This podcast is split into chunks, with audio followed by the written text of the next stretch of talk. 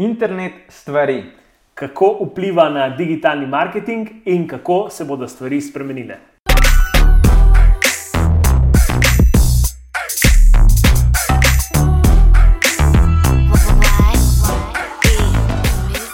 Živijo, dobrodošel, dobrodošla v novi oddaji Point Out Weekly. Danes je na sporedu že 53. oddaja in z Zoranom bova govorila o, oziroma kako internet stvari vpliva na digitalni marketing. Kot je Zoran že v prejšnji, prejšnji oddaji povedal, to oddajo lahko od sedaj naprej poslušaš tudi v obliki podcasta na iTunesu, na SoundCloudu in drugih agregatorjih podcasta. Uh, tako da vse informacije, vse linke, ki jih omenjava v oddaji, dobiš tudi na PointOut spletni strani, pointout.com, slash weekly 53, če se ne motim. Ne? Tako je. Cool. Zdaj pa najbolj. Gremo kar v tematiko. Ok, govoriva o Internet of Things oziroma o internetu stvari in tisti, ki tega še mogoče toliko ne poznate, se je verjetno zdaj pojavil en tak vprašajček, kaj to pravzaprav je. Internet stvari je, vključuje pravzaprav vse naprave, ki se lahko povežejo z drugimi, ponavadi podobnimi napravami, oziroma se lahko povežejo pardon, z internetom. Eni takih najbolj pogostih, ki jih vsi nosimo v žepu, ne, to ni v žepu, je recimo pametni telefon, tako kot je ne želel pokazati, seveda tudi pametne ure, pa slušalke, pa tudi take mogoče malo manj. Konvencionalne so lahko, recimo, to zdaj malo že v glasnem sporočilu vmes. so recimo hladilniki, televizije, štedilniki in tako dalje. Ogromno nekega spektra, pa ne na zadnje tudi te mogoče asistenti, tipa Alexa, Google Home Google in Home. tako dalje. Tako, tehnica, jaz sem si pred kratkim kupil ja. pametno tehnico. Je full v redu, potem pa tudi kaj, kakšne svetilke, mm. ki se potem regulirajo glede na uh, dan, kakšna je svetloba uh, v zunaj. Uh, kakšne pametne budilke, to ima meno, tako da mm. tudi jaz grem v to smer. Veš. Ja, vse to, kar, kar nekako tudi nakazuje, to, kar si ravno kar rekel, da greš ti v to smer, ja. pomeni, da se nekako meje med offline in online svetom. Res briše. briše. Vse to skozi govorimo, ampak te naprave so nekako pokazatelj tega, da je res danes že vse online. Celo recimo Barbika je bila že povezana uh, z internetom. Uh, tako da je bila tudi že nekako del tega spektra. In teh naprav, ki se povezujejo z internetom, je vsako leto več, in mislim, da je v tem trenutku že nekje 5 milijard uh, na svetu, če se ne motim, ali je bilo to v prejšnjem letu, zdaj se ne spomnim točno podatka, ampak ogromno res teh naprav uh, mm. prihaja. Do leta 2020 jih bo pa kar 26 milijard takšnih naprav povezanih na internet. In to lahko tudi pomislimo, to je samo razviti svet. Kaj šele, ko ne razviti svet pride, pa se te naprave začnejo uh, povezati. In neizbežno to pomeni, seveda, da bodo prihajale nove naprave. Če se ta številka se bo prvič zviševala na račun tega, da bodo ljudje, ki jih zdaj nimajo, kupovali, kot tudi to, da bodo prišle neke nove naprave, za katere zdaj le mogoče ta trenutek niti še ne vemo, kaj, to, kaj te naprave bodo. Se pravi, nekdo, neko podjetje, znamka se bo spomnil nekaj, kar mogoče zdaj še ni, um, nam ne pade prvo, prvo na misel. Uh, recimo, meni je bila ena tako zanimiva uh, Amazon, ki je naredil, mislim, da lani, predlani, tako nekako so naredili tak button, gumb. Uh, kako so mu dali mesec? Dash, button. Um, Ja, ne vem, če je točno Dash bil moj ime, ampak Dash je, ja, Dash button, imaš prav. Ja.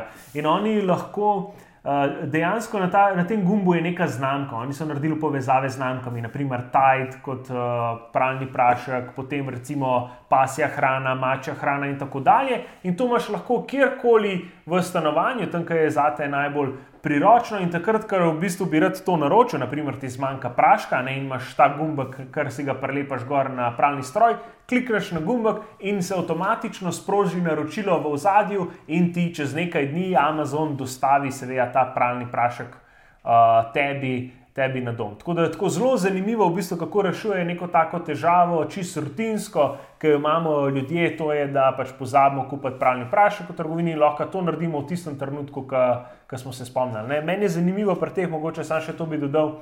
um, napravah je to, kar res na zanimive načine lahko rešujejo naše težave. In to se mi zdi tisti največja dodana vrednost.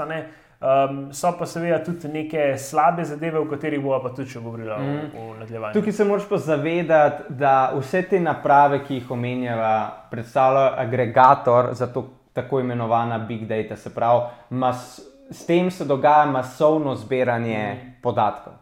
In ko govorimo o tem masovnem zbiranju podatkov, posledično se bodo tukaj v prihodnosti pojavljale vedno večje priložnosti tudi za oglaševalce.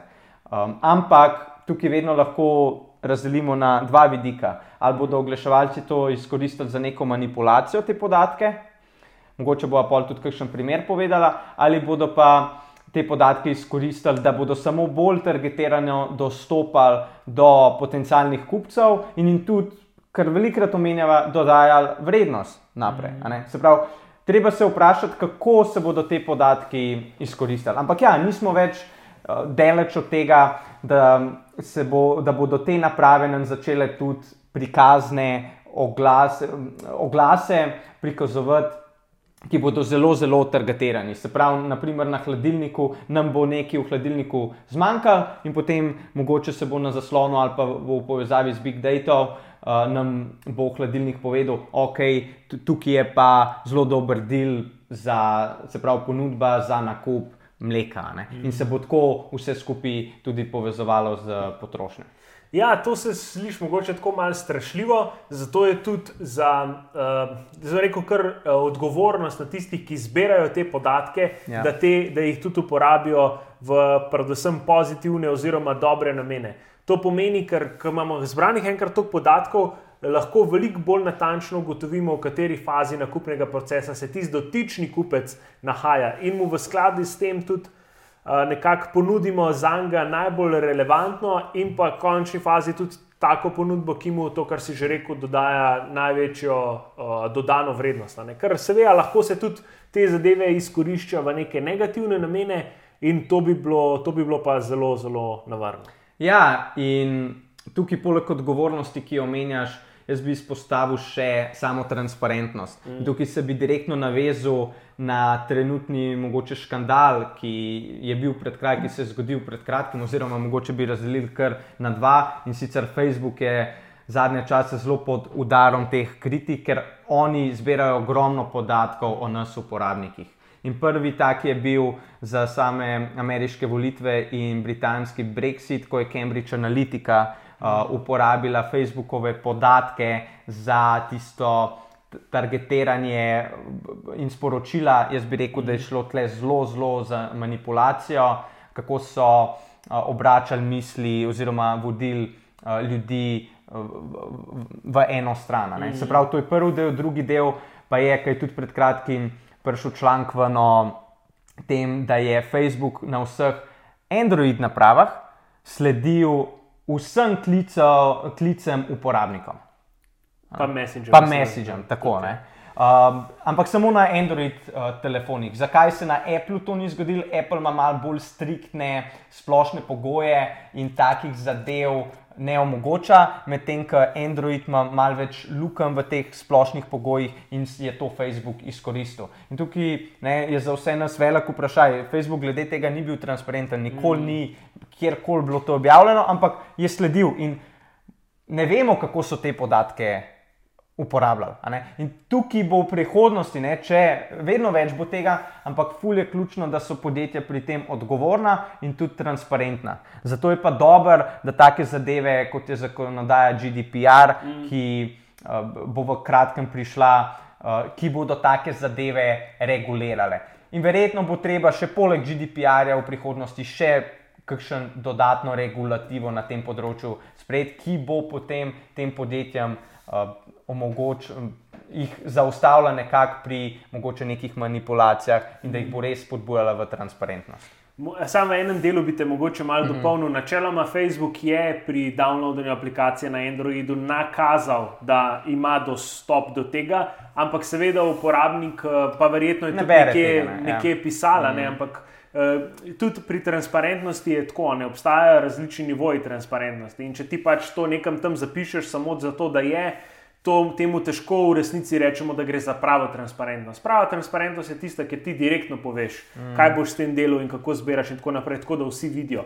In kot si omenil, GDPR na tem področju je precej strikten in precej ima pač neke zahteve, ki, um, ki jih morajo oglaševalci oziroma vsa ta um, urodja, platforme in tako dalje upoštevati. Mm. Mogoče ne neka nova tehnologija, ki bi tako transparentnost na področju big data rešila, ravno to, kar je v zadnjem času veliko govora in sicer blockchain. Ne? Nismo še tam, ampak sigurno bo blockchain na nek način prisilil pod narekovaji podjetja k transparentnosti, ker bo vse sledljivo, ker se bo vse zapisalo v blok podatkov. Tako da to je nekaj, s čimer. In zato je dobro, da te tudi nove tehnologije prihajajo uh, ker smo mi dva zelo velika mm. navdušenca, pa zagovornika.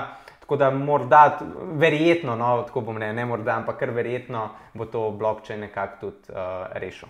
Ja, ker takoj tudi tukaj se pojavlja ta vprašanje, kdo je resnici lasnik teh podatkov. Ne? Če jaz nekaj delam po Facebooku ali pa kateri koli drugi platformi, uporabljam neko napravo, da se vrnemo mogoče tudi na to Internet of Things nazaj. Uh, če uporabljam jaz svoj hladilnik, um, kaj, uh, kdo je lasnik teh podatkov o meni, se pravi, da je meni zmanjkalo mleka in tako dalje. In blockchain, nekako tudi neke inicijative so že, že zdaj s projekti uh, na blockchainu. Da bi v bistvu uporabnik imel, uh, bil lasnik vseh teh podatkov in se sam odločil, in tudi v skladu z GDPR-ja, namreč uporabnik lahko vse svoje podatke, ki jih je uh, podjetje pridobilo v njem, prenese na konkurenta, če to želi. In se nekako ta lasnina, če lahko temu tako rečem, nad podatki prenaša bolj na uh, uporabnika. Tako in z big data in vsemi temi napravami se bo pa nekako v prihodnosti tudi spremenila vloga agencij, ker agencije bodo morale, predvsem tiste, ki bodo imele na tem fokus, predvsem usmeriti na analitičnost in obdelavo teh mm. podatkov, se pravi, da bodo vse te podatke znale ustrezno prebrati in jih spraviti ali pa povezati z potem tistimi komunikacijskimi sporočili, seveda, kot smo prej omenjali, na odgovoren način in uh, ki, ki bo res šel v smislu dobrih praks, ne tistih negativnih, pa bi tako rekel, manj, manj lepo. ja, se mislim, Meni se kdaj zaplete, kakšna beseda. Se mislim, da se v bistvu že na zelo kratek rok se bojo videli učinki tega, da, so, da je to enih različnih naprav, že to zato, ker morajo agencije oziroma oglaševalci narediti če neč drugega oglase v različnih formatih. A ne, ker moraš za naprimer pametno uro narediti drugačen oglas, če se tukaj prikaže kot za neko drugo napravo. Ampak predvsem pa to, kar je najcomenijo analitika in pa s tem povezano, da bo agencije enostavno morale se bolj tudi vključiti v same procese podjetij. Ker velikokrat zdaj vidimo agencije marketinške kot nek dodatek, eh, kot neka skoraj na pol samostojna enota. Uh, mislim, da je v, v formalni obliki, ampak samostojna enota uh, napram sodelovanju s podjetjem. Ampak mi pa res verjamemo v to in tudi mislimo, da zaradi vseh teh uh, novosti in pa sprememb, ki se dogajajo na tem področju, je res ključno, da agencija nekako se bolj integrira in pa poveže s podjetjem, da se bolj vključi v ta proces priprave strategij, da ga tudi dobro razume in ne na zadnje, da tudi v bistvu te pristope, procese in tako, ki jih skupaj s podjetjem izoblikuje, pomaga prenesti tudi na vse ostale zaposlene. Ker tudi vsi ostali zaposleni, ne samo tisti ključni, tri, štiri ljudje ali pa eden v marketingu, morajo to res razumeti uh, vsi v podjetju. Tako, s tem smo prišli do konca. Vesela bova kakšnega tvojega komentarja. Uh, absolutno lahko tudi vse skupaj komentiraš, oziroma naj jo oceniš uh, v podkastu, kjer bova tako kot na Facebooku, tudi tam vesela kakšnega komentarja, uh, ker s tem boš omogočil tudi ostalim uporabnikom, da pridejo do te oddaje in si jo ogledajo. Zapiski so na voljo na pointout.com, slash weekly 52, 53, pardon. Uh, hvala, ker si bil z nama in pa se vidimo, slišmo naslednjič. Se vidimo, čau.